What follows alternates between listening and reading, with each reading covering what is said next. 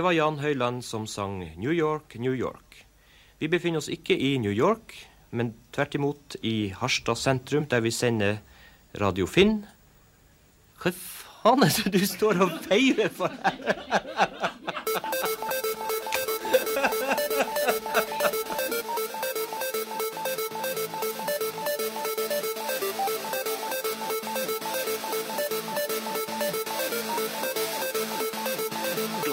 Scheiße in deinem Arschloch. Finn, Finn, Finn, Finn, Finn, du han Finn, Radio Finn. Jeg er i Harstad. Du, hvis du hører podkasten, så er jeg i Harstad på akkurat et øyeblikk. Lolbua episode 158. Jon Cato heter jeg. Kommer opprinnelig fra Harstad. For lengst snudd ryggen til byen og prøvd å brenne alle broer. Men Lars, du har én bro som du slukker hver gang jeg prøver å, å starte en brann der. Hva er det med Harstad som gjør at jeg burde flytte tilbake dit? Det er et veldig godt spørsmål. Hva som bør gjøre at du bør flytte? Jeg vet ikke. Jeg har ingen, ingen, uh, ingen argumenter for at du bør flytte tilbake. Du har jo, Det er rein uh, du har en jobb langt det- sør og greier. Hva du skulle flytte hit for? Det Ja, jeg har jo en slags jobb. Men er det ren, ren latskap som holder deg der oppe? Nei, jeg flytta jo hit etter at faderen døde, så tenkte jeg skulle være med og styre litt og være litt nærmere familien og sånne ting etter det. Sex som skjedde, var klar for en ny jobb og uansett. Men Ja. så Ja, så det er nå en tre-fire år siden. Nei. OK, det var fint innsalg av Harstad. Jeg er sikker på at befolknings... Det blir befolkningsvekst uh, de luxe. Men, eh, men du snakka om men, men hva du skal komme hit for? Du må jo si hvorfor du skal komme. Jeg vet jo Ja, jeg ikke kommer til det. Jeg er bare blir ferdig å introdusere det dere. For det, det er ikke lov å snakke før dere er introdusert. Ikke sant? Så nå sitter Magnus og klør etter å bidra. Så Magnus, du, Ja. du, du kommer til å ende opp i Kristiansand. Det har jeg sagt i mange år. Har du sagt det? en, eh, Ja, ja, ja. Nå har du jo 20 eh, jobb eller noe sånt fra Kristiansand, så det blir bare Ja. å øke den gradvis. Og så plutselig, før du vet ordet av det, så sitter du ute i Voiebyen med enebolig og garasje og Ja, så det kan, eh, kan sikkert skje, det. Jeg har ikke noe lyst. Men jeg vet ikke om jeg kommer til å ha lyst om noen år til. Uh, Da, da må jeg reversere Lars-spørsmålet. Hva er det som holder deg i Oslo, da? Jeg vet ikke. Oslo har mye mer av det jeg er ute etter akkurat nå. Et uh, stort profesjonelt nettverk. uh, masse jobber som dukker opp rundt omkring. Og og hør på Mr. LinkedIn! Nei, det er jo det, er jo det jeg ikke er. Jeg har jo faktiske, faktiske Du fysiske bor, kontakter. du bor midt i LinkedIn-byen Oslo. Ja, jeg gjør det. Jeg gjør det. Men, Ja. men det er en veldig fordel, uh, sånn rent profesjonelt, å tjene penger og sånn. Og eh, så blir eh, utvalget her Jeg liker at vi kan ha eh, quiz på Tilt. Eh, Ja, Det kan vi. at, at det lar seg gjøre å gjennomføre ting i, i Oslo. Det er mye vanskeligere å få ting til i Kristiansand, har jeg inntrykk av. det. Men, men hvilke ting er det som er lettere å få til i Oslo? Jeg bare tenker Det er mye lettere å få til ting i distriktet, for der er det mye færre folk.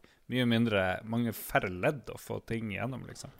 For å bruke den quizen som eksempel, da. Så det å trekke 130 folk inn på et utested og arrangere et månedlig arrangement der, vi får, der det fast kommer dritmye folk, det er vanskelig å få til små, på små steder. Du ender opp med å ha litt sånn fritidsklubb for kanskje en 10-15 vanlige folk, eller vanlige tryner, som dukker opp hver gang. Så, Eller så kan fem sånne eh, halvfeite 40-åringer finne ut at de skal lage sånn Chippendales-show.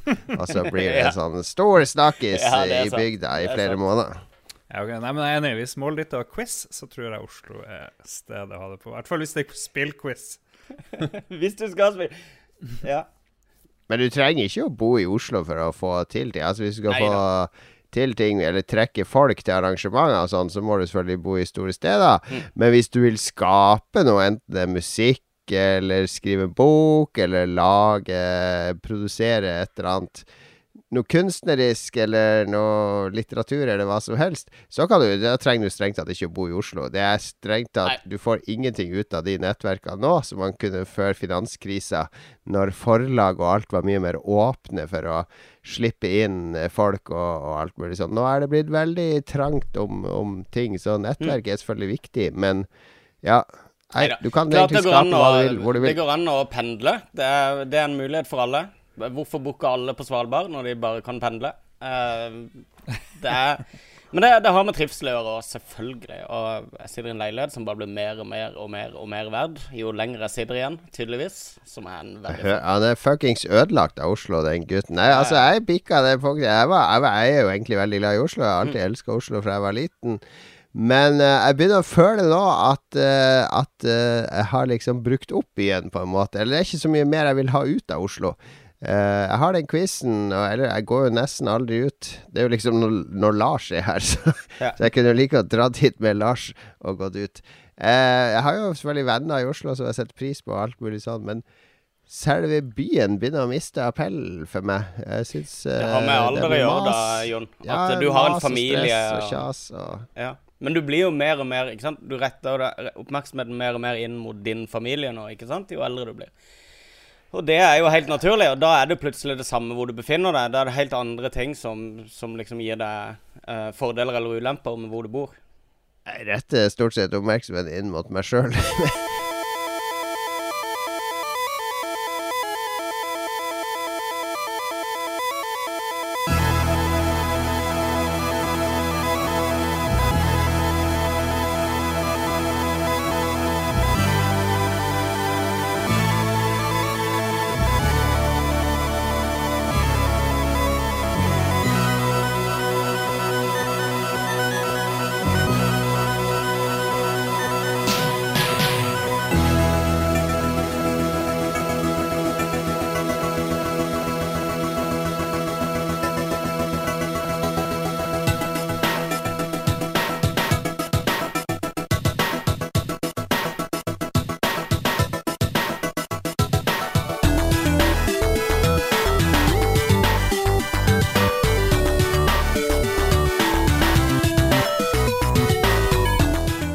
Nei, vi må nok holde oss til det vi kan, og det er jo uh, spill, visstnok. Uh, Ta for en dårlig sending det her er hittil. Det er jo dårligste ever. hva har vi spilt i det siste, Lars? Du har vel fått en eller annen kode i posten til noe greier? Yeah, uh, Little Nightmares til eh, forskjellige plattformer har jeg fått.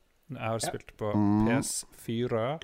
Jeg tror det var noen folk som hadde vært med å lage Little Big Planet, som har, står bak Mm. der, blant annet. Stemmer. Så det er litt sånn Little Big, Planet-ish, bare med, med litt sånn horror. Du er i noe i en, eh, Jeg vet ikke om du er et hus eller om du er en båt. Jeg har ikke, jeg har ikke fått runda det ennå. Men du er et hus, og så av og til så bare begynner det å bikke og styre og ting Ja, og dit. Så det er, det var lurer på om jeg er en båt eller et veldig ustødig hus. Men du er en sånn liten fyr med gul regnfrakk som springer fra venstre mot høyre, stort sett, og gjør puzzles og uh, sniker og klatrer og uh, interakt, interagerer med nøkler og nøkkelhull osv. Det er litt sånn limbo møter Nightmare Before Christmas. Har du ikke Ja, ja, ja. Men eh, noen Ja. ting er veldig kult, og noen ting er ikke så kult. Hei ho, terningkast fire, ikke revolusjonerende. Litt bra, litt dårlig. det er anmeldelsen sin. Bra for den som Litt liker uh, grei, Ja, nei, ikke Nå er det dårlig. Nå er sendinga dårlig, altså. Herre vi Men hva- dårligere. Kom igjen, vi kan bli Ok, dårligere. Limbo, Little Big Play. Jeg ser jo du får uh, rave reviews rundt omkring. Hva skyldes det? Hva er det folk elsker med det spillet? Det er jo ikke rave reviews. Men er ikke det Det, husker jeg når jeg var anmelder òg, at det var sånn her eh, Eller jeg visste når jeg så noen spille, at det her kommer din og den og den anmelderen til å elske. For, Mm. Eller veldig mange anmeldere til å elske fordi de er så lei av alle spill som ser så like ut. Så når det blir litt sånn mørkt og gotisk og dukkeaktig og sånn, så sånn uh, Se hva det gjør med mediet vårt, se på den eh, bredden vi har. Er det, er det litt sånn Keiserens nye klær-forelskelse, føler dere? Jeg vet ikke. Det er de som, de som vil ha mer spill uten noen som helst dialog eller tekst. Det er jo liksom den type spill. Mm. Litt journey, litt inside. Du lager din egen historie oppi hodet ditt i møte med litt sånn veldig særegne miljøer, som er minneverdig. Mm. Men, Men hva eh, ga spillet deg, da? Hva gir spillet deg? det ga meg en blowjob. Eh, Jeg prøver å heve nivået. I går, I går på spillquizen til meg og Magnus var, var det jo et sånn eh, panel, uh, spillprat, en time før, Mm. om spillkritikk og hvorfor vi trenger den. Og denne type spillkritikk du har kommet med nå No offense, Lars. Det er akkurat den vi ikke trenger. Det er litt sånn oppsummering, og uh, det er litt pepper med paprika og sjampinjong. Greit nok for de som liker det. Sånn ingrediensmiks. Uh, uh, det Forbrukerjournalistikk. er ingen beskrivelse av hva opplevelsen gir deg. Hva, hva Ja, Nei, den ga meg kanskje ikke så dritmye, da, egentlig. Men jeg sa jo at, eh, at av og til så, så klikker det på et vis. At du Noen ganger så kjenner jeg at eh, Oi, det her var veldig gøy. Når, for det, det er ikke noe sånn, den gjør jo ikke noe unikt. Det er jo sånne rom med du kan klatre på ting og kaste på ting og låse opp ting. Du interagerer med, med miljøet ditt i en sånn Little Big Planet-setting. Av og til så er det mm, morsomme ting å gjøre. Noen ganger så bare føles det som om rommene er tomme og ikke, ikke har noe å by på. Men eh, nei, for å bli sånn veldig poetisk, så tror jeg jeg må spille et annet spill. Det tror jeg. Men jeg skjønner poenget ditt. eh, Kritiske, kritiske Jon. Ja, ja, jeg er ute etter spillkritikken. Eh, Jeg kan, jeg kan jo gå rett til min gjennomtenkte og velformulerte spillkritikk av eh, eh, Jeg plukka opp eh, Ble inspirert av vår venn Mats, vår, vårt fjerde hjul på vogna. Uh, som uh, uh, har spilt veldig mye Player Announce Battleground, som eh, jo er et PC Early Access-spill. Så nå har endelig jeg spilt det. Fordi jeg spiller jo ikke så mye på PC, men noen ganger så liker jeg å spille sånne veldig rene PC-spill. Og det her er jo det reneste du får av PC-spill. Det er sånn upolert, veldig direkte fokus på én type opplevelse, nemlig å overleve. Eh, ikke sånn som Conan og Rust, der du liksom skal crafte og bygge ting. Men eh, du blir liksom sluppet i fallskjerm ned på en øy sammen med 99 eller 98 andre spillere. Og så eh, lander du, så må du løpe inn i hus og så se om du finner noe våpen og utstyr og ditt og datt. De første minuttene er veldig hektisk. Prøve å lande et sted som ingen andre lander, og så finne litt utstyr. Og så drepe de andre før de dreper deg. Altså Hele tida så blir det området du kan bevege deg på, mindre og mindre og mindre. Det er sånn vegg, sånn kraftfelt, som, Ja. som er i en sirkel.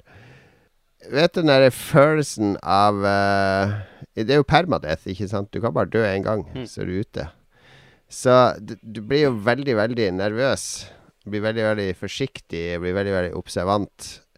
Uh, og det er et spill som gir deg en sånn enorm paranoia som du ikke får fra andre skytespill. Altså, du kan ikke sammenligne det med Overwatch eller, eller uh, noe som helst skytespill der du respawner. Fordi eh, det er såpass intenst, og den verden er så stor, at, at alt hele tida så gjør du de taktiske vurderinger. Da. Skal jeg gå på åsen der, eller skal jeg gå ned blant de steinene der? Skal jeg prøve å gå inn i det huset der? Har jeg tida til det før kraftfeltet flytter seg?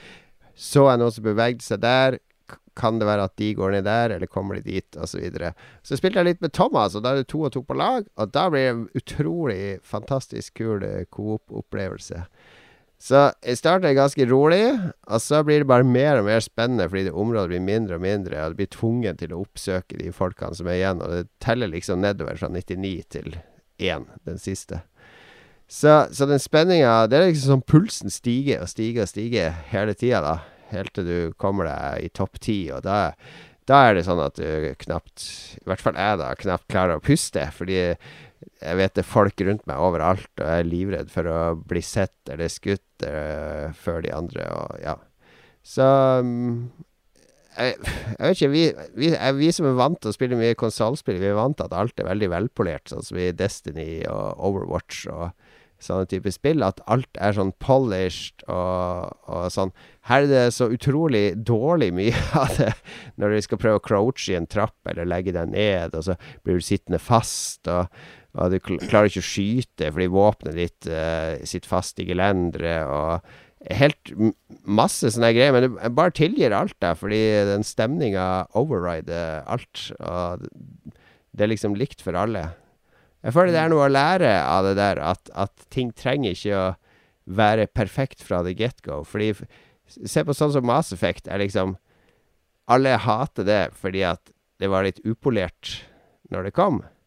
Mens alle elsker det her, selv om det egentlig er ganske ræva sånn teknisk når det kommer. Mm. Det er noe vi kan uh, Noe vi kan ta ut av den, eh, de to motpolene, da. Um, det, det finnes jo veldig mange spill med, med den modusen, da. Det der med at uh, verden innskrenkes, og at det er sånn last man standing-greie. tredjeperson, survival-greie. Men hva er det, det Det jeg har prøvd å finne ut under spillet, er hva er det egentlig som skiller det fra, fra de andre? Jeg har inntrykk av at det bare er liksom at Jeg vil ikke litt, si et annet, da. Eh, Er det ikke Daisy som også har den der, som er, som er dritstort på, uh, på Twitch, med akkurat den modusen? Det er flere som har Ja. den modusen der, altså. Ja, det er jo en modus som oppstår i andre spill, men den er mer rendyrka her, da. Altså, i DayZ Jeg har aldri spilt den modusen i DayZ. I DayZ har du jo de zombiene som er en distraksjon. De er ikke så farlige, men uh, toplayer- og fireplayer-modusene er jo de kuleste, da. Jeg har ikke spilt fireplayer ennå. Men toplayer er uh, Du får veldig sånn nært samhold, da, som jeg ikke har Jeg har ikke spilt noe av den modusen i noen andre spill, men det, det, jeg har snakka mer med sønnen min i en time i det her enn jeg har gjort resten av året over middagsbordet. Ja? Fordi man må liksom passe hverandre sin rygg, og er skudd fra nordøst, og det er en kar bak steinen der øst, 100 meter, og jeg ser han, jeg ser han, jeg prøver å flanke ned der, og det blir sånn kamp på liv og død, ikke sant? Det blir, ja, det blir veldig, veldig intenst. Ja, vi skulle ha spilt, eh, spilt en Lolbua-gjeng, det hadde sikkert vært gøy. Ja, Mm, ja, det må vi Et par av mine venner, det eneste de gjør, det er å spille det her, så det er bare Ja. Ja, ja, ja. Ja, det beste kampen hadde jeg før, nå når vi, før rett før sendinga. Da tok jeg en siste runde.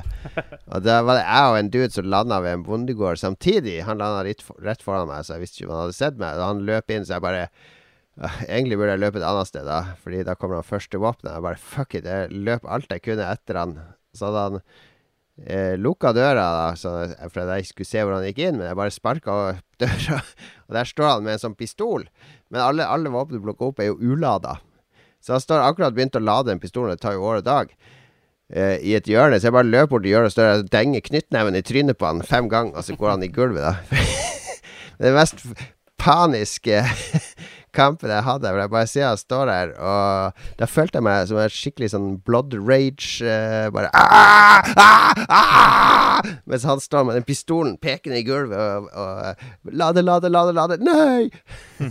Så det var, det var gøy. Fritz, Fritz, du døde. Jeg er sikker på han var tysk. Sånn tysk navn. Magnus, du har spilt uh, et norsk spill som kommer i dag. Har du ikke testa det? Uh, ja, det har jeg faktisk. Jeg har eh, spilt uh, World to the West, som uh, Ja, fra Rain Games, de som lagde. Tesla-grad. Vi skulle egentlig ha en av de som gjest, men vi er jo så late, så kanskje vi klarer det neste uke. Vi får se, vi får se hva vi får til. Og ja, hva skal jeg si om World to the West? Det er et spill som utspiller seg i samme univers som Tesla-grad. Det er de jo veldig kule på. Jeg liker veldig Men det godt er ikke et plattformspill, sånn som Tesla gjør? Nei, den heter en sjanger, da. Dette her er mer sånn uh, uh, Hva skal du si? Det er litt mer sånn, sånn åpen verden Lost Vikings-spill. Hvis jeg skal si det veldig enkelt, da. Med en stor, episk historie som utfolder seg gradvis gjennom spillet. Grafikken er veldig spartansk, og eh, kontrollene er ofte eh, begrensa til et par, par moves til, til hver av disse her eh, karakterene. Og du slipper så veldig kjapt bare rett ut i verden for å, for å bane deg fremover, da. Jeg har mest bare eksperimentert rundt for å se hvor langt jeg har klart å komme med én character uten å trenge hjelp fra andre. For det finnes stort sett flere løsninger på å komme seg forbi puzzles og, øh, og komme gjennom eh, terreng. Så det er, det er liksom eh, bare utforsking du har vært oppi nå? Ja, og eh, det har vært veldig lett, egentlig. eh, Den, det som har vært av motstand. Og så er det, det er noen vesener, noen ekorn og noen ulver og noe greier som prøver å drepe deg. Etter hvert så kan du mind-controlle de, ikke Er ikke greia litt at det skal være flere hovedpersoner da, med forskjellige powers? jo. Det er jo da denne Lost Vikings-elementet, med at Jeg regner med at det vil være mer av det senere i spillet, men hvor du trenger to, kanskje tre av disse hovedpersonene for å klare liksom å traversere deg gjennom et, eh, et område og eh, ja, komme seg videre. Mm. Men har du spilt den her uh, Prey? Uh, Prey-demoen? Leser jeg det? Den, jeg lasta den ned i dag, faktisk. Eh, Den er jo på 19 gig, så det ble jo en Xbox-download, ikke en PlayStation-download. For da hadde jeg jo ikke hatt demoen før neste uke. Um, Jeg er jo ja, men jeg, jeg vurderte å spille det på PlayStation denne gangen, faktisk. Mm. Tingen er da uh, Ja, kjenner deg til Prey. Du har gleda deg til det, har du ikke det, Jon? Prey er jo det gamle, klassiske spillet med Tommy i hovedrollen, indianeren Tommy, som blir abducta av aliens. Uh, mens Prey 2 har egentlig absolutt ingenting med Prey 1 å gjøre, Nei. det bare har samme navn. Riktig. Men det heter vel bare Prey, eller heter det Prey 2? Det er nye. Det er da bare Prey. Ja, ok. Ja. Lagd av de her som lagde første Dishonored, tror jeg. Korrekt. Arcane Studios. Og de har også veldig. med seg De har med seg samme karakterdesigneren. Så? Ja. det er kanskje det kuleste med, med Dishonored. Det er den visuelle utforminga av spillet. Det er jo vakkert. Det er jo sånn fuckings maleri, hele spillet. Og det, det som er så kult, er at du tar liksom den stilen, da, den tegnestilen, eller artwork-stylen, og så flytter du den over i en sånn her uh, futuristisk uh, science fiction-setting. Det blir en veldig rar miks, men foreløpig har det funka dødsfett. Uh, Får litt sånn Half-Life-følelse, i hvert fall over demoen, med at Ja, ja. du blir plassert inn i en verden på et, noen laboratorier der alt ser ut til å være på plass, og plutselig så går ting galt, da. Men Mm. i motsetning til Half-Life så foregår det noe, noe det, er, det er noe mer kødd da, som foregår i kulissene, og det er noe du innser fra første stund, da, at eh, Something ain't right. Uh, dødsfett spill. Massevis av muligheter til å uh, liksom levele opp forskjellige skills. Og um, veldig sånn Deus X-feel over at du kan uh, equippe forskjellige sånne mods. Sånne neuromods, eller hva det er det heter. for, å- for å gi deg nye superpowers, eller gjøre deg sterkere, raskere, mer utholdende, uh, etc. Det, blir det like bra som Dishonored, tenker du? Ja. Jeg, allerede så har jeg støtt på eh, flere steder hvor eh, det har vært mulig å liksom å løse problemer på flere måter, da. Eh, som er en veldig kul eh, ting, som, som Dishonored-spillerne var veldig kule på, syns jeg, da. At det var liksom ikke bare én vei inn til, til løsninger, da. Foreløpig eh, dødsfett. Jeg spilte det på Xbox. Eh, hvis jeg skal spille Prey, så skal jeg definitivt spille det på PC. For jeg har mista all aim med eh, håndkontroller det siste året, kjenner jeg. Men, men det er, eh, er liksom et moderne FPS, sånn som vi forventer av et moderne FPS. Ja. En, en Ja. skikkelig singleplayer-opplevelse der du blir plassert inn i et, et, et eh, En handling som for lengst er i gang, og der du bruker tid på å hente deg inn på hva er det egentlig som skjer, og eh, fighter eh, merkelige livsformer eh, underveis. Masse jump scares foreløpig, da. Jeg vet ikke hvordan det vil vedvare.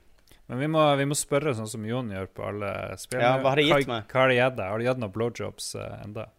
Eh, ja, jeg fikk noen blowjobs helt i begynnelsen under tutorialen, faktisk. Nice. Um, Nice. Hva skal jeg si? Altså, For meg så var det, det var veldig kult. Jeg, jeg, jeg trives veldig godt i den visuelle uh, settinga som, som de Arcane er i stand til å lage. Og umiddelbart så var det første som slo meg, bare at dette er sykt pent. Mm. Men, men altså Hva kan en si etter under en time med demospilling? Jeg, Jeg syns har du har gjort en god innsats. Sagt Ja, masse. jeg vet ikke, men Er demoen så lang? Det er jo en Ja, reklame, eller en en- demo, liksom. Den ja. eh, en time gameplay er det de har lagt opp til. Så det, det fins Ja. en del videoer som er ca. en time lange, hvor de spiller gjennom demoene. Alright. Det Men det minner om uh, eh, Ikke for å snakke for lenge, men det minner om, litt om Dishonored i systemet sånn, nevnte du. Ja, litt Dishonored, litt Deus Ex og litt uh, Half-Life. Alright, da må jeg spørre A. Runda du Dishonored 2? Eh, ikke ennå. B. Runda du Deuce X? Eh, nei, nei, nei. nei. Så du bare kaster deg over Prey uten å runde de to spillene som det bygger på? Nei, jeg lasta ned demoen på det, fordi jeg vil se Ja, ja, men du kommer til å kaste deg over Prey når det kommer uten å Jeg bare tenker Ja. Fordi jeg har heller ikke runda verken Deuce X eller Dishonored 2, for Ja. jeg gikk veldig fort lei. Ja. Eh, selv om verden Jeg syns verden i Dishonored er helt fantastisk, men jeg syns det er så tiltak å spille sånn Det er sikkert kanskje bare meg med alderen og alt sånt. Det er så tiltak å sette meg ned med Dishonored, fordi da må jeg være i en sånn skikkelig mindset med å explore og eh, lete etter runes og Mm. og bruke jern for hvordan, hvilken fremgangsmåte skal jeg bruke, og alt mulig sånn. Jeg, jeg, det er kanskje bare at jeg ikke er i den modusen nå de siste månedene, men uh, Jeg skjønner veldig godt hva du føler jeg mener. at ja, Prey appellerer ikke til meg i det hele tatt, fordi jeg har to sånne spill som jeg ikke har klart å komme meg inn i. Og jeg trenger ikke et tredje som jeg ikke klarer å komme meg inn i. Ja, men det er litt uh, epler og appelsiner å si at jeg har allerede to spill fra den sjangeren, derfor er jeg ikke interessert i å spille dette. Det Altså, det, det har en helt annen appeal. All right, all right. Det var en digresjon. Det var litt uh, surmuling uh, inni Jo, men der. jeg eh, er helt med på den ja. greia med mindsets, da. Og det er jo der liksom den reinværsdag-spillsamlinga kommer inn i bildet. Det er jo at du sparer spill til du er mentalt forberedt på Ja, ja, ja, Ja. Men så en dag kommer du til der jeg har passert for lengst, der jeg ser eh, OK, de der kommer jeg faktisk aldri til å rekke å spille før jeg er død. Så den, den samlinga, sparinga, eh, har ingenting for seg. Det, Ja, OK. Hvis, hvis du vil bestemme deg for at du aldri vil havne Aldri vil ha lyst til å spille det igjen, så er jo det en, en eh, ærlig sak, I guess. Men jeg liker i hvert fall å holde døra åpen. jo, hvis jeg blir uføretrygda, ja, da kan jeg rekke over det. Men eh, hvis ikke, så glem det.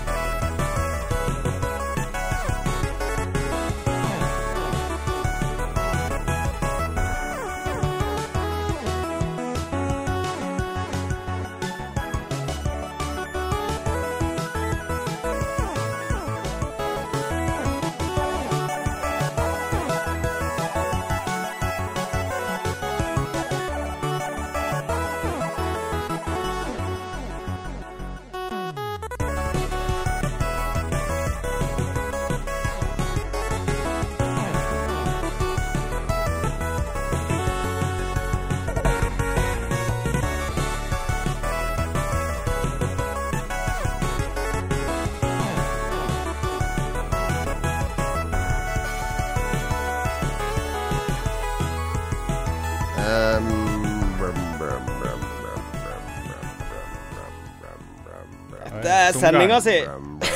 Sending på tomgang. Ram, ram, ram, ram, ram, ram. Lytterspalten skal vi over til nå. Kjenner at det er litt sånn uinspirert sending i dag, eller hva? Ja, veldig. Veldig, veldig. Nei, det, det er vår, og Jeg har jo Jeg må fortelle det, jeg er jo ferdig på vannvogna. Jeg drikker jo alkohol igjen. Så jeg har min første dagen der på i dag, på, på, på gruelig lenge. Ja, Gratulerer. nettopp. Tusen takk! Tusen takk. Det er, det er tre måneder siden min forrige på. jeg tror ikke det er årsaken. Men hva kan vi gjøre for å få opp stemninga, så det blir en bra stemning? må, må bare, vi må rope Sending. litt. Sånn her ropeterapi. Er Hvis vi tar uh, stein, saks, papir, og så må taperen ta resten av sendinga i bar overkropp, er det et godt forslag? Veldig godt Til fornøyelse for de andre. Kjempedårlig idé for alle. Forslag. Jeg Jeg er med. Jeg er med. bare fordi du er med, Jon, så, er- så OK, kom med. Ok, Stein, saks, papir, og så må taperen ta av seg capsen. Jeg, jeg kan ta med meg capen. Sånn. Oi, se nå, da! Det er er første klar. gang jeg har Eh. Ja, kom igjen, da. Ha det, ha det. Hæ? Nei, jeg vil ha den på. Det er jo eh, Jeg trives med den. Shit.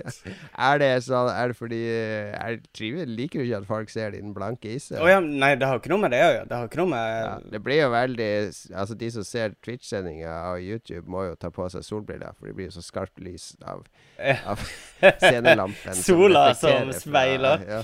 Men eh, Nei, det er en vaneting. Jeg har gått med caps siden jeg var ti år gammel, faktisk. Vi kan, vi kan kjøre litt uh, teatersport for å friske opp litt uh, Ja, musklene her. Ja, jeg tror det er en som bremser. lytterspalta, folkens. Lytterspalta. Ok, vi skal lese lytterspalte som skuespillere. Jeg skal tildele skuespillere.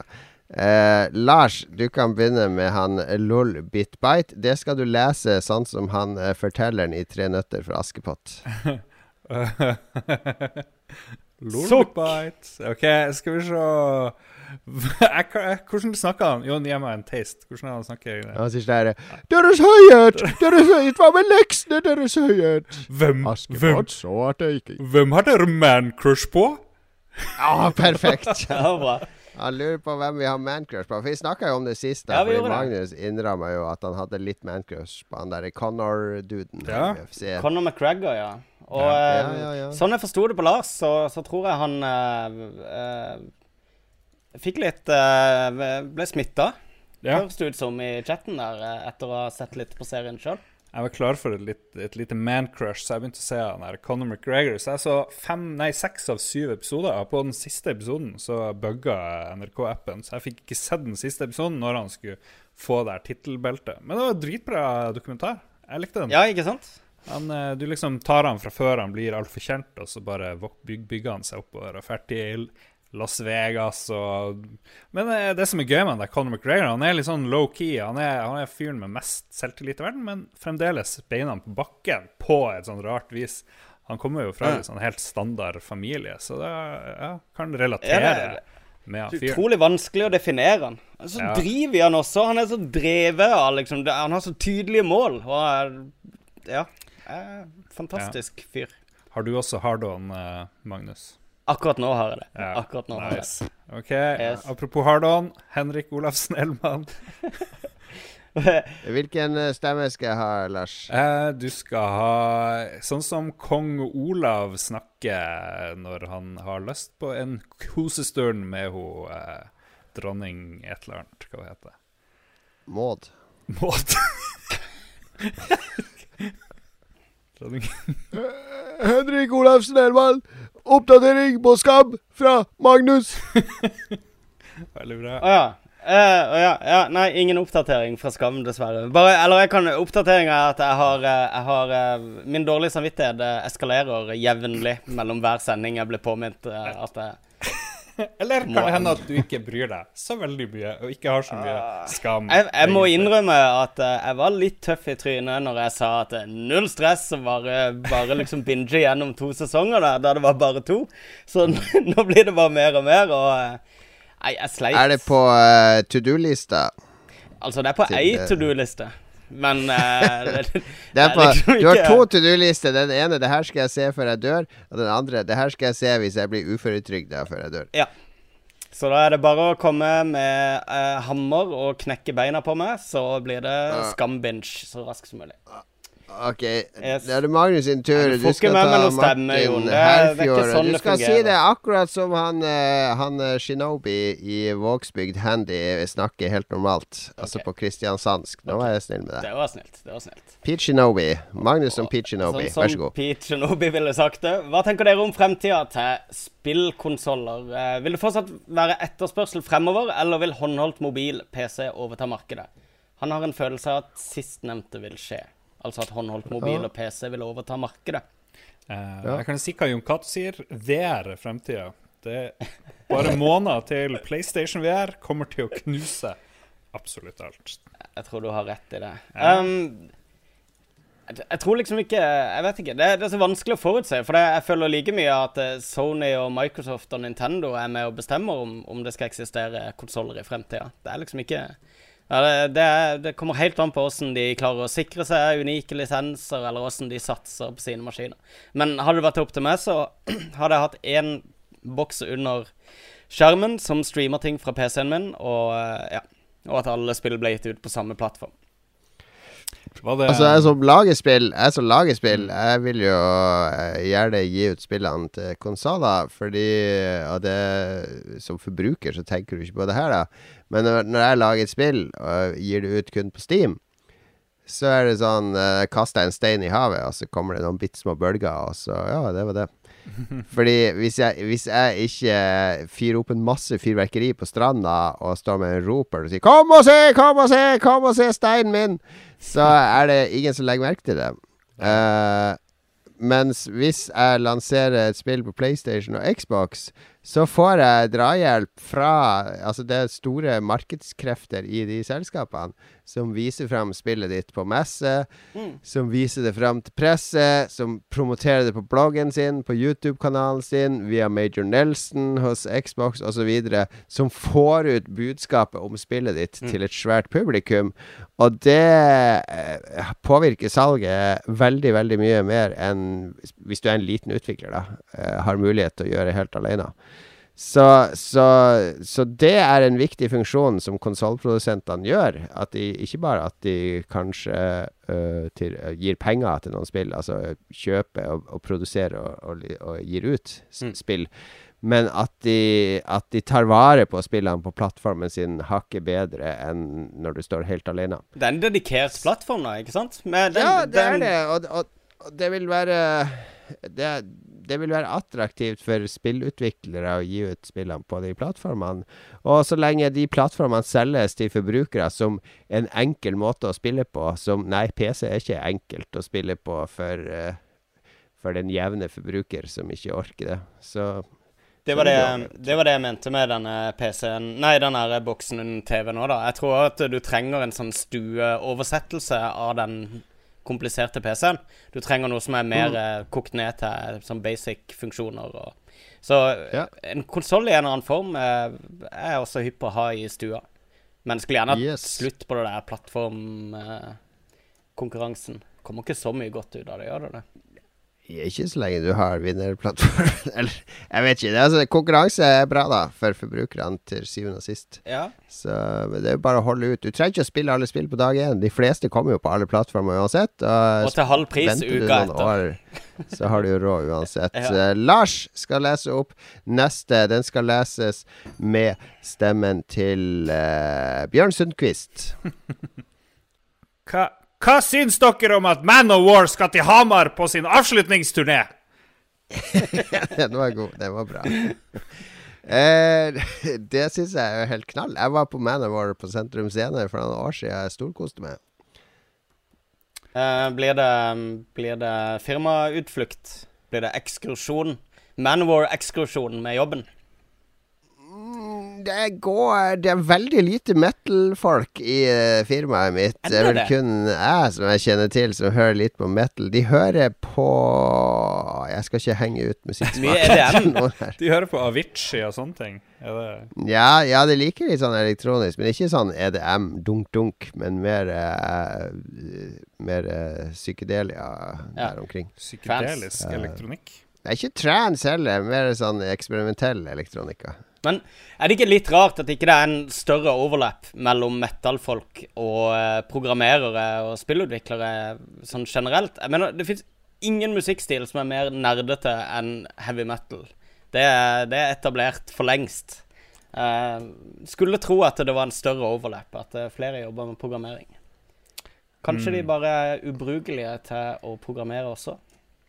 Det hadde vært enda kulere hvis Manowar kom til Harstad på sin Ja, ja. de hadde jo de beste platecoverne, sånn syns jeg da jeg var liten. I hvert fall den Manowar-plata jeg hadde, var konge. Kom stå med det sverdet. Ja, og, og de er jo et veldig dedikert band. De vet du har jo en sang som heter um, uh, Father.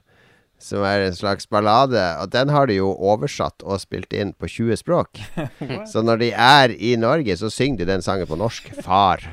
Jesus Christ. Fader, tror du ikke det? Er det? det, men det er kult, da. Hvis du søker på Man of War og Father Norwegian på YouTube, så kan du få høre sangen. Og de- han synger bra norsk. Han, han har virkelig lagt sjela si i å å gi publikum noe autentisk hjemmepublikum når de er borte. Så, så Det som er så kult med Manowar, er at de er så uironiske. De, de tar det så seriøst.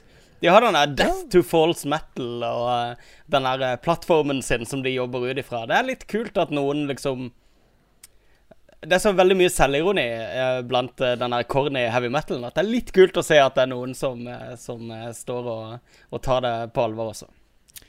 Er vi klare for Yes, yes. neste spørsmål fra Martin Herfjord, hvor Jon Cato ja, skal, hva skal, hvem skal jeg være? skal Wait for it. Si det, uttale spørsmålet som om du var din sønn Thomas. Nei, han er ikke kjendis, folk kan ikke henge det på en knagg. Må være kjendis. Må være noe Helge Jordal eller et eller annet. Noe som folk kan relatere til og sammenligne med. Jeg trodde there were no rules. OK, da får du eh, Da får du han der eh, som går på ski. Hva han heter han? Petter Northug. Vær så god. Hvor kritisk er det for Switch at det er så få lanseringsspill? Få litt VU-viba samtidig som jeg har tro på konsollen. Ja, fint. Ja, fint. Jeg er alltid litt sånn mutt og konfronterende. Det begynner å bli sånn her eh, revy.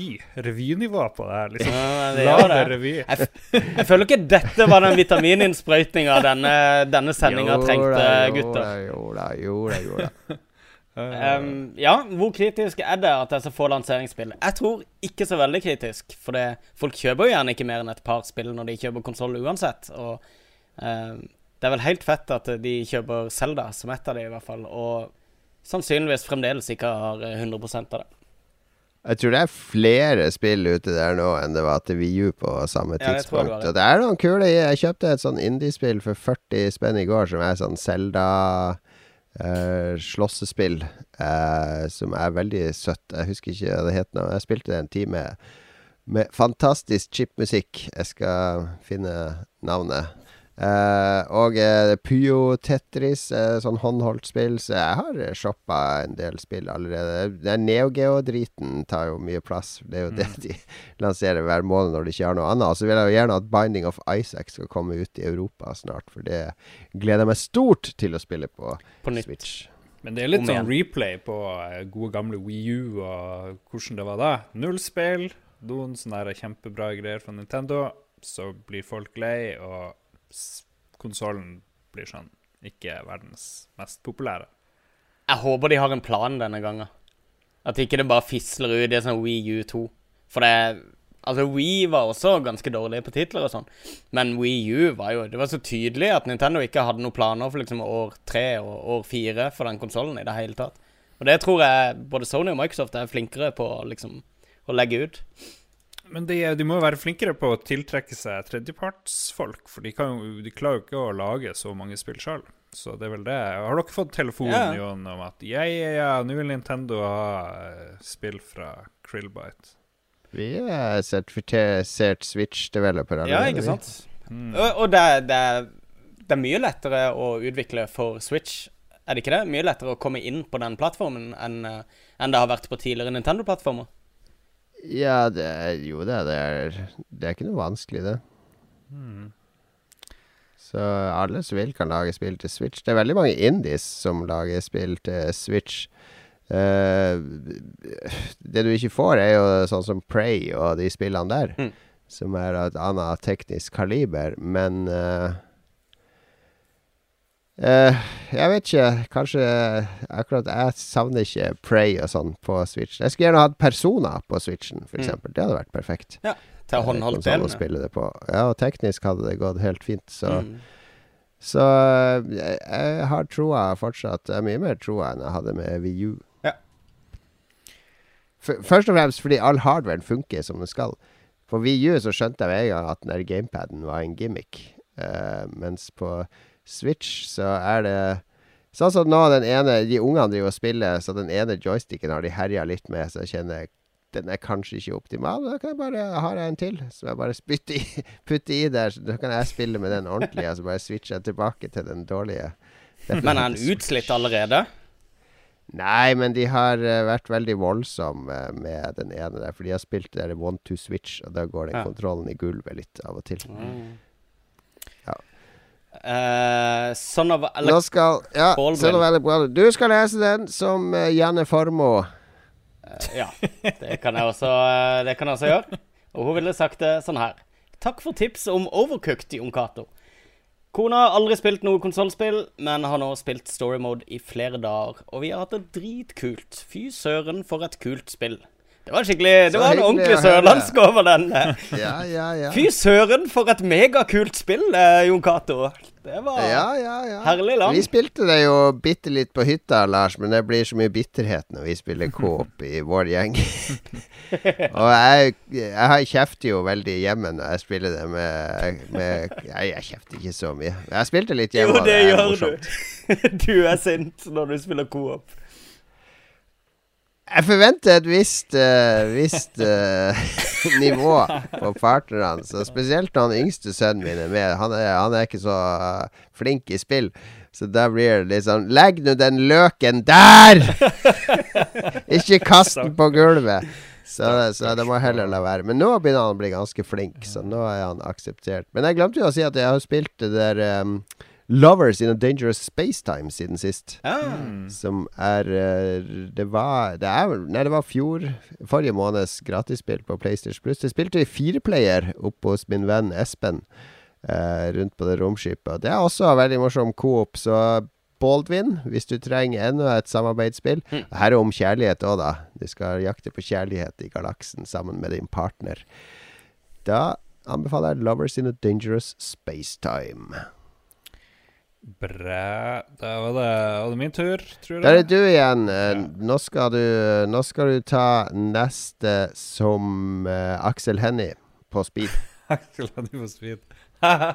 Fra Peter Parker. Orka du spille gjennom Nier Automata flere ganger, Lars? Kom deg i dekning! Bo, bo. Kom det i dekning? Bo-bo-bo? Å ja, det var den der eh, Det var den der, militærserien. Uh, Militærserien, ja. Hva den het for noe? Ja. Det var det. Ja, var, Valkyrie. Nei, nei, det var ikke Valkyrie. Men det har et sånt navn. Ja. Eh, Hvem bryr seg? Nei Hvem bryr seg? Har jeg spilt gjennom Nier automater flere ganger? Nei, det er jo selvfølgelig som alt annet vi gjør og sier i Lolbua, det er kun løgn. Det, det eneste du kan regne med, er at vi lager en episode hver uke. Det er så langt. Det er faktisk det eneste vi bør være tillatt å love. Sånn er det. Det er vi ganske flinke på, da. Ja. Ja, vi er flinke på ukentlige Akkurat sendinger. det. Den skal vi ha. Ja, ja, ja. OK, jeg skal ta en Mister, Mister, Mister med, med, med, med. Oh, Jesus Som- Christ. Ja, du begynner å bli lei av det her opplegget, da. Du kan Nei, vi må holde oss til planen.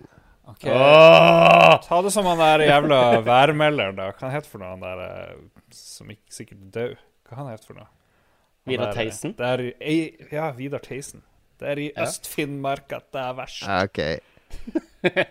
Er verken homofil eller tiltrukket av dere, men har sovnet til stemmene deres hver dag i det siste. Meget behagelig å høre på. Sovnet til Keep up the good work. Ah, det var veldig Ja, bra. det var bra. det var bra, det var bra. Jeg likte den greia med at eh, For det gjorde alltid Vidar Theisen, at han fortsatte inn i neste setning.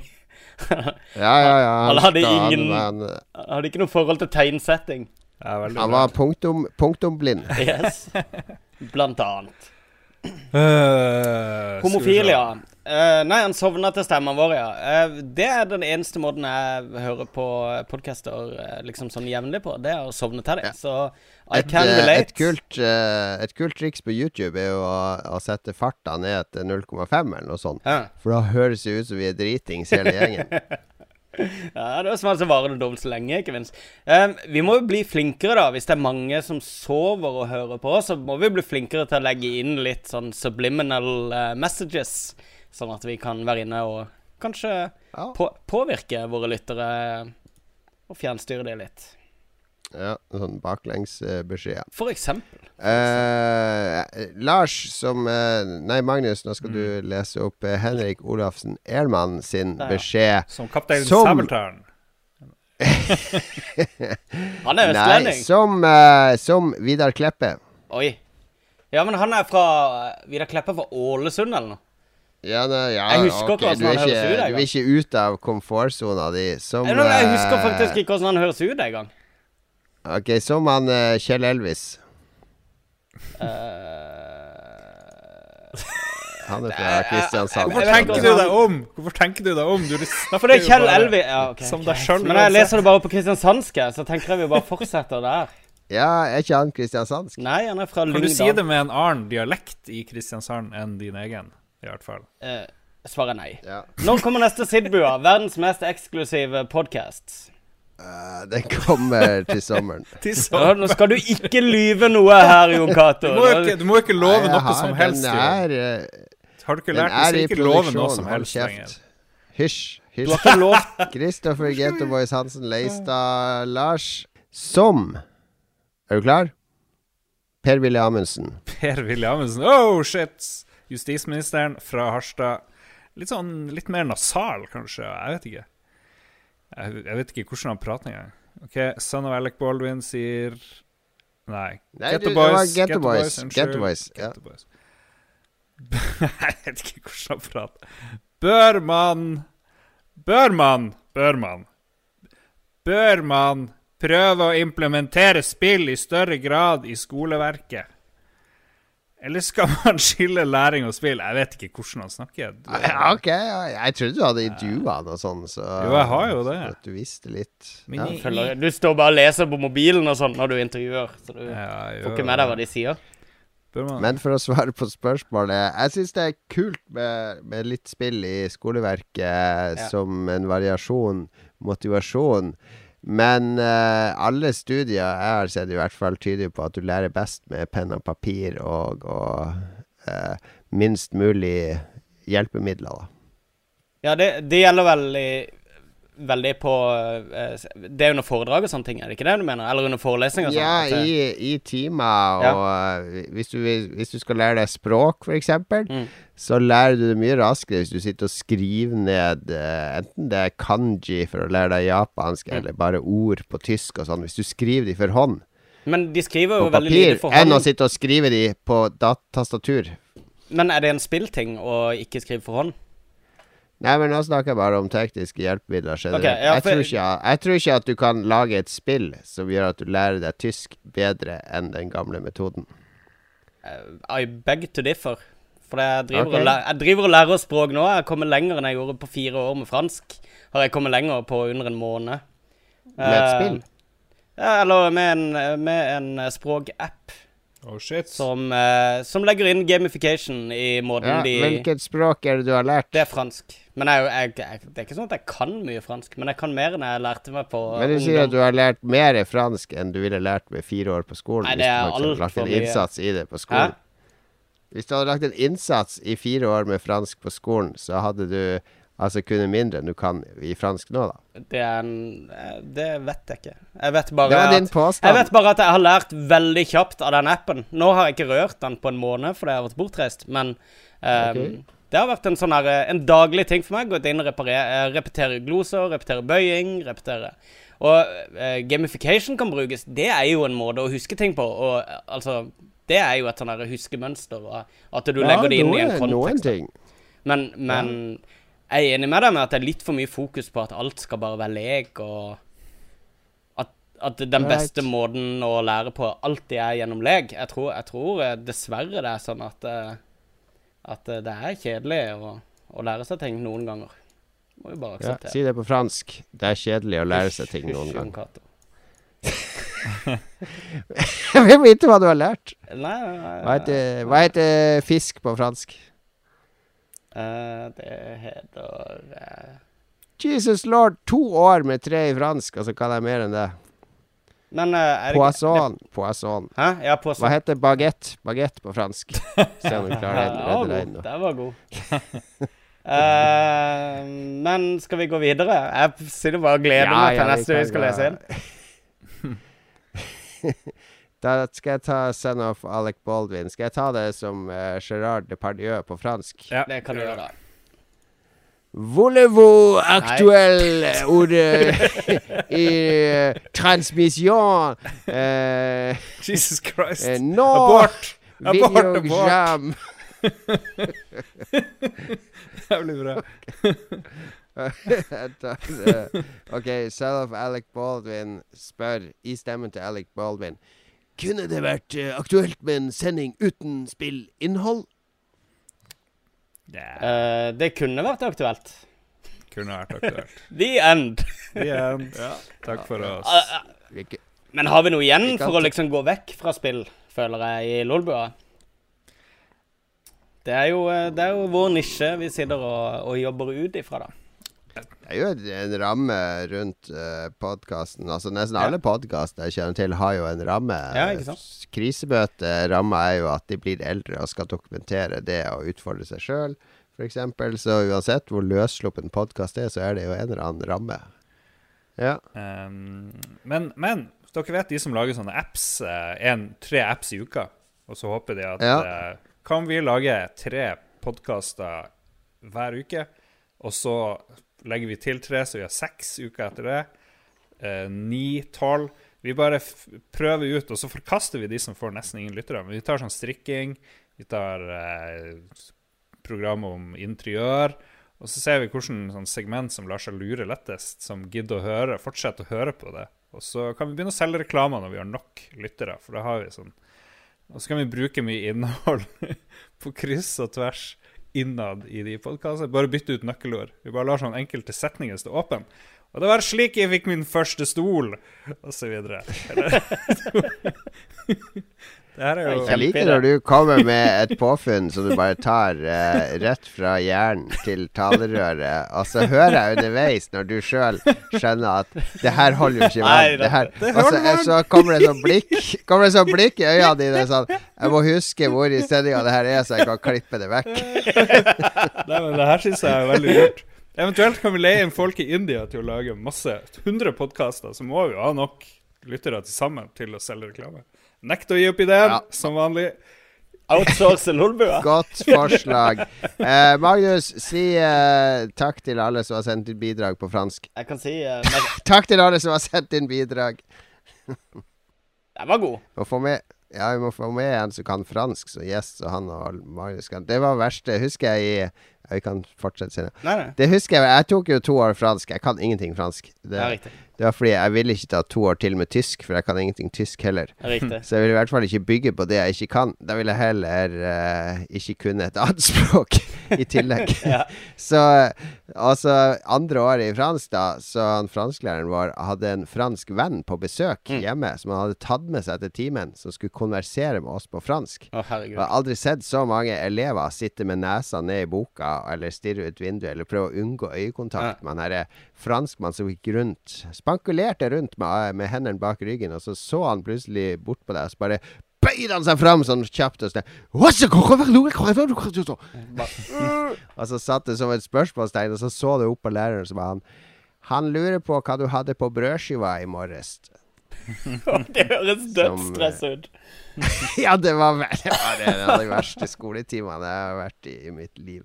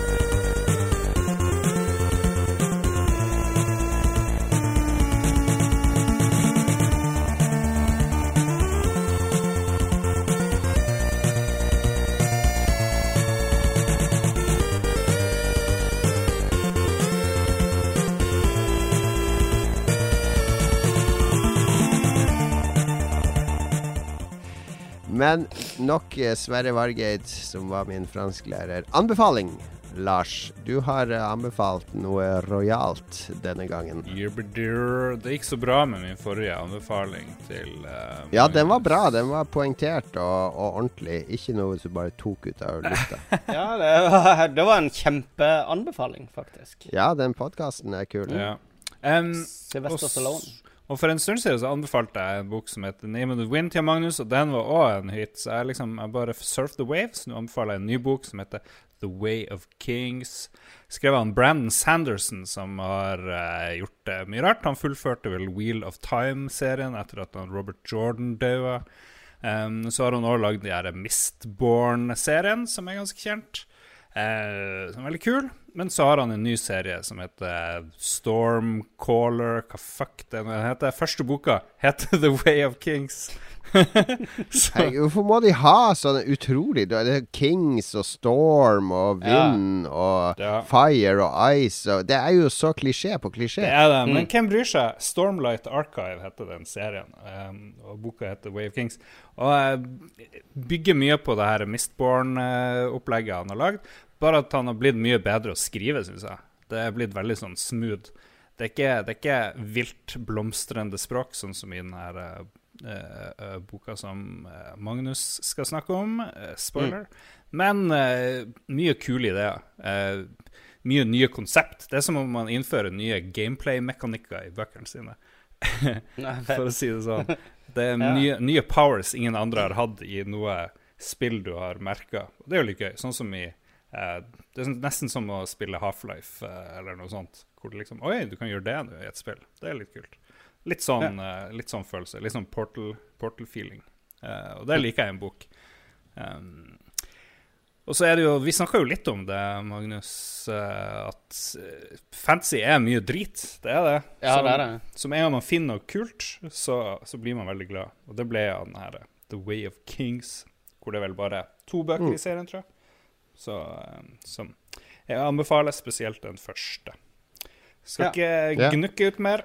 Vær så god. Nei, er det litt sånn eh, med fantasy For jeg har jo blitt litt mer stuerent pga. Ringenes herre og Game of Thrones og sånn, men er det ikke likevel fortsatt litt Jeg tenker hvis jeg møter en dame, og hun leser Isfolket, så tenker jeg hun er litt sånn enkel. Og litt sånn enkel smak.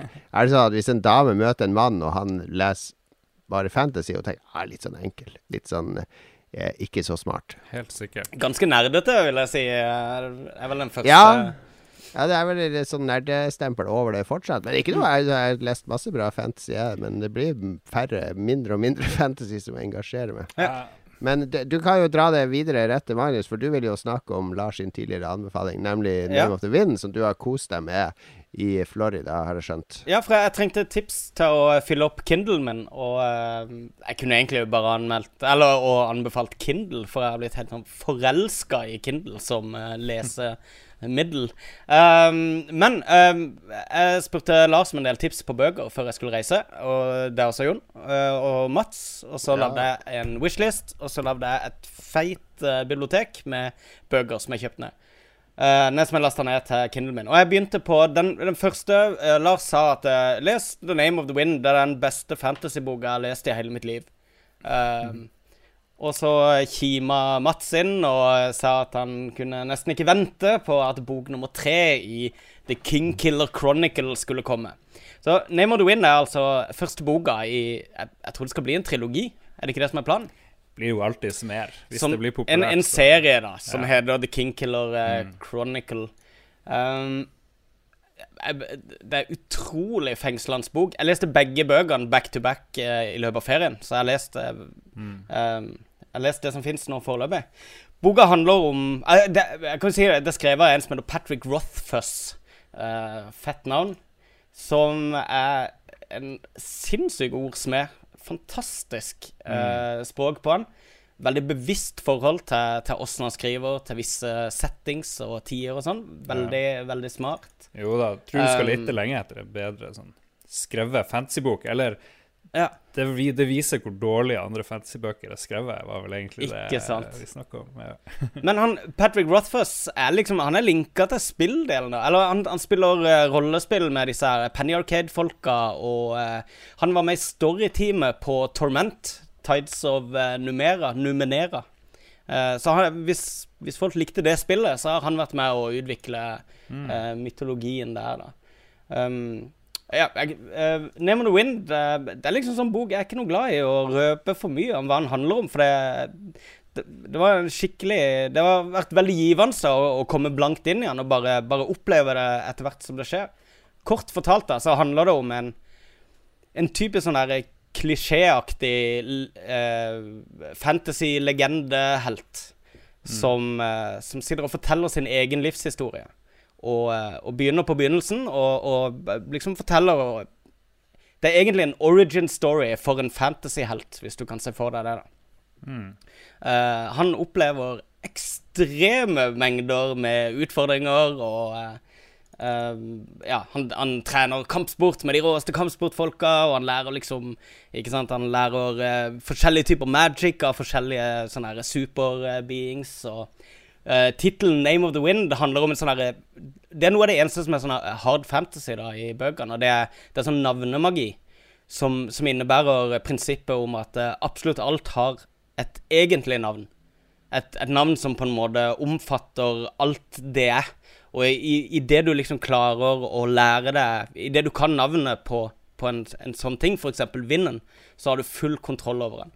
Så, så det handler jo om eh, han, han er jo veldig opptatt av navne, navnemagi da, i denne verden han løper rundt i. Men det er så kult, uten å spoile noe, i en del av boka så er han lut fattig. Det er en sånn gjenganger eh, i veldig stor del av boka. Og eh, i, altså, i mange kapitler så vet jeg nøyaktig hvor mange mynter han har i lomma. jeg vet alltid hvor mye penger han har, for han går og gnukker på hver eneste krone. Du vet at eh, og alt er dyrt, og hver gang han tjener noen penger, så blir du glad. Det er, du, det er, nesten, som å, det er nesten som en walking simulator. At du har sånn bevisst forhold til inventoryen hans underveis og sånt. Ja. Um, ja. Lars, kan ikke du legge til noe? Du har uh, like mye erfaring som meg med denne her. Mm, det som er litt spennende Nei, men det, det jeg kan bare skrive under på at den er genial. Det som er interessant, Ja. er at han ga ut en, en sånn kort uh, novelle om en av karakterene i bok to, eller jeg vet ikke om det er begge Aura. bøkene. Og den er blitt skikkelig dårlig likt av veldig veldig mye folk. Og han liker den ikke Ja. han forfatteren. og, men han ble tvunget til å gjøre det av manageren og forlaget sitt, eller hva det nå var. Så det er en litt sånn rar avgjørelse, men, eh, men ja, ja. Så, og det som er gøy, er at på baksida av boka, på første sida og sånt, så bare advarer han denne boka kommer du mest sannsynligvis ikke til å like. Så det er en sær greie. Men eh, ja, jeg gleder meg veldig til bok tre. Ja, indeed. Ja, Men ja, ja, uh, altså, folk bør uh, Altså gå på Amazon og lese For du får en sånn teaser, gjør du ikke det? Du får lest eh, de første Mm. par kapitlene eller noe. Og det bør Nei, han begynner litt treigt, den boka. Han begynner litt treigt, den første boka. Ja, nå detter Jon av. Beklager. Ja, nå, nå detter Jon Cato ut. Nå er de gamle, nå er de trøtte. Ja. Nei, jeg Ja, jeg, eh, jeg, jeg, jeg bare observerte- i Ja, fordi. Mats, Mats, eh, Mats og Lars sine eh, anbefalinger Jeg skulle bare Fordi den boka der har jo hørt eh, anbefalingen, jeg òg. Så googler jeg på nettet, og så ser jeg at den regnes som uh, eh, young adult fantasy sammen med Twilight og Harry Potter. Så bare bare spørre Er det Da ble jeg litt skeptisk. Er det en, en, en Er det en riktig betegnelse, eller er det litt mer uh, givende enn Twilight?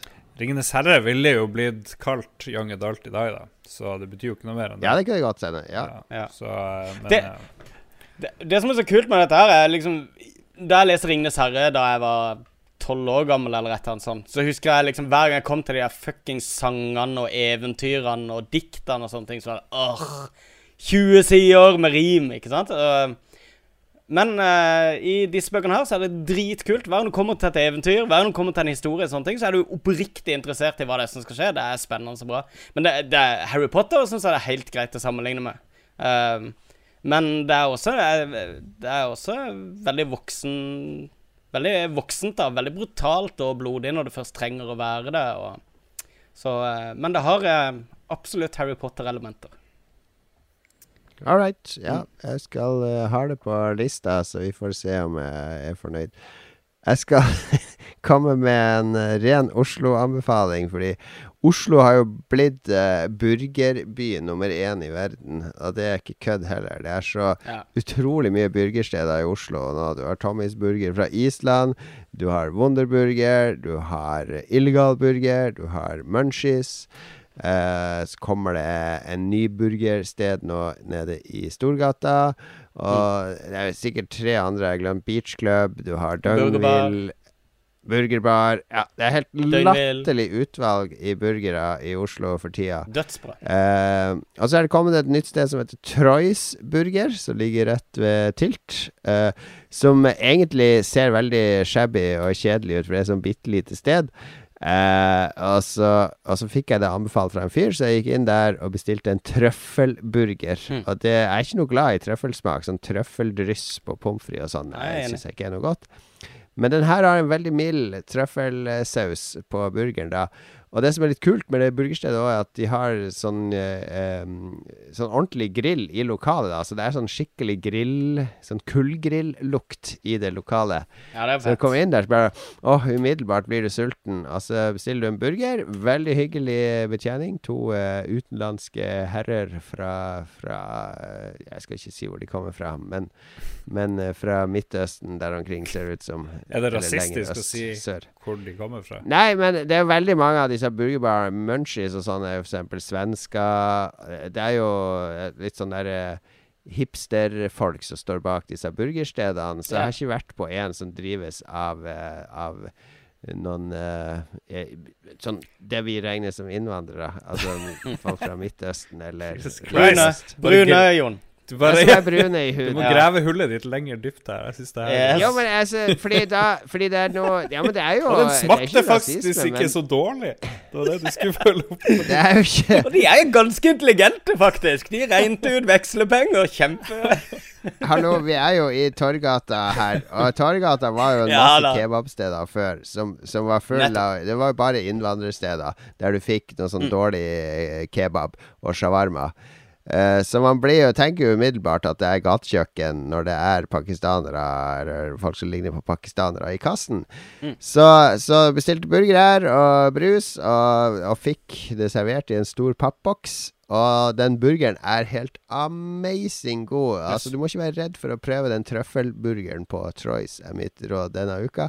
Det er en av de saftigste og deiligste og reneste burgerne jeg har smakt i Oslo. Så jeg har spist den to ganger allerede. Den merkes på prosjekt, slankeprosjektet.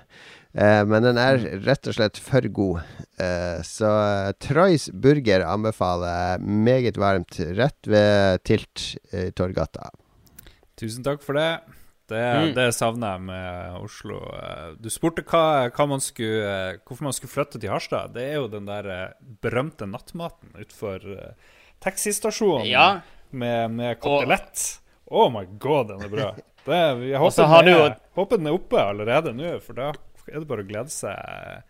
Kan du og Synne Ja, spise kotelett? Det er meget mulig jeg skal ut på fredag med min svigerbror og min fetter og sånn, så da kan jo du slenge deg med, Lars. Fordi eh, nå, nå driver vi jo, mens vi har hatt podkast Jeg skal jo til Harstad i morgen, for de som ikke har skjønt det. Jeg skal bo hos Lars med Henrik Pavilje. Jeg skal i konfirmasjon.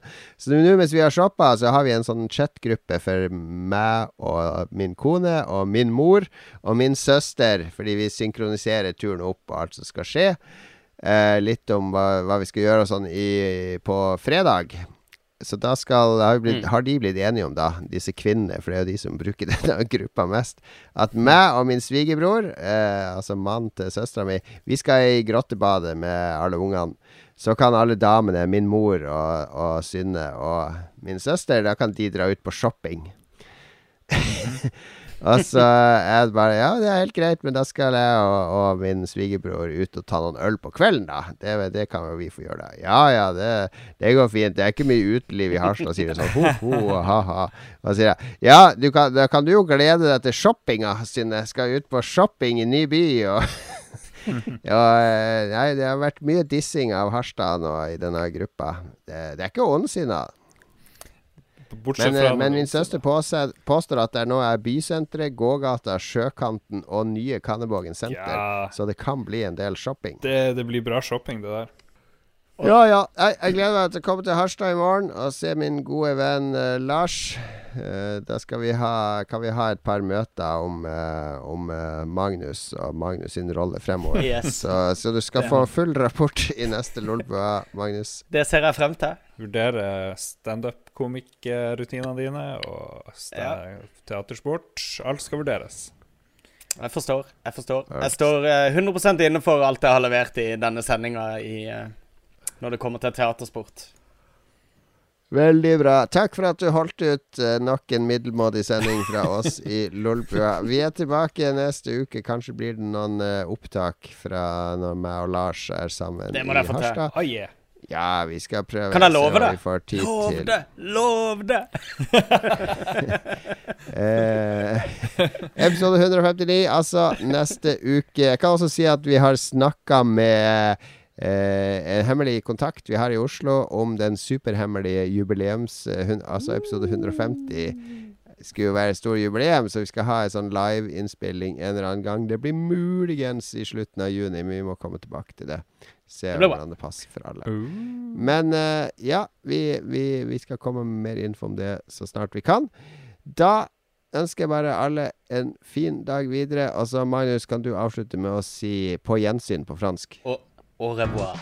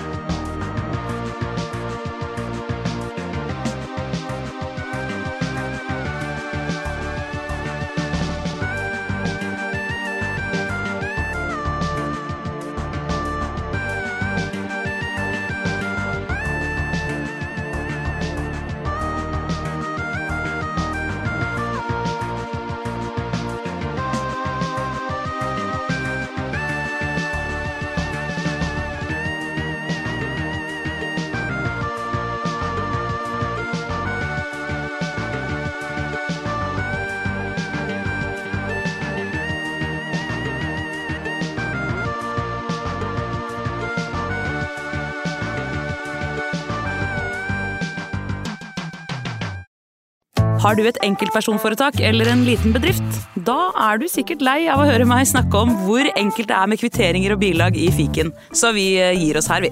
Fordi vi liker enkelt. Fiken superenkelt regnskap.